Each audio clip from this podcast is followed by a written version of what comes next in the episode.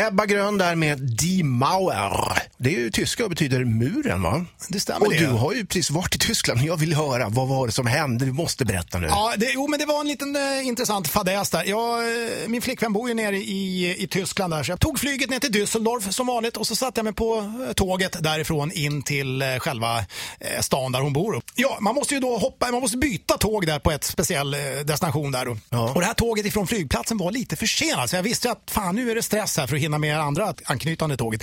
Så jag kommer av tåget tåget eh, på stationen här, springer ner och måste byta spår. Vet du. Och kliver upp då och så ser jag att det här tåget står ju inne fortfarande. Kollar på skylten snabbt, ja det är rätt destination. Kliver på tåget, dörrarna stängs.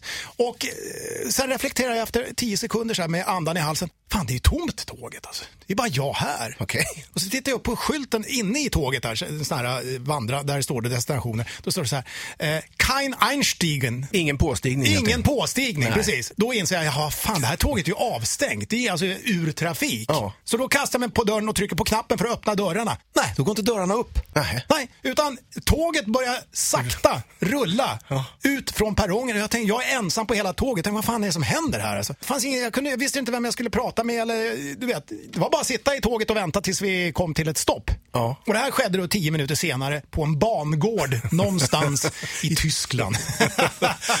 jag kände mig totalt lost kan jag säga. Ja. Och då helt plötsligt så öppnas dörrarna. Ja. Så tittar jag ut genom dörren. Då ser jag en, en, en nisse kliva ur, ja stinsen, det är inte stinsen men... Lokföraren, Ja, kanske. så jag börjar vissla på honom och vifta så här, hallå, hallå. Och han tittar så här, och så, vad fan gör du där? Ja. Och så förklarar jag för honom vad som hade hänt helt Ja. enkelt. Jaha, nej men det är inga problem. Jag kör tillbaka det.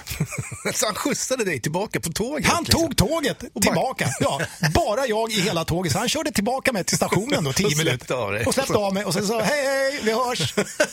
Va? Snacka om service-minded ändå va? Ja, Deutsche Bundesbahn. Ja, det är var- kvalitet det. Ja, precis. Rockklassiker. Klassiker. Ett poddtips från Podplay. I podden Något Kaiko garanterar östgötarna Brutti och jag, Davva, dig en stor dos skratt.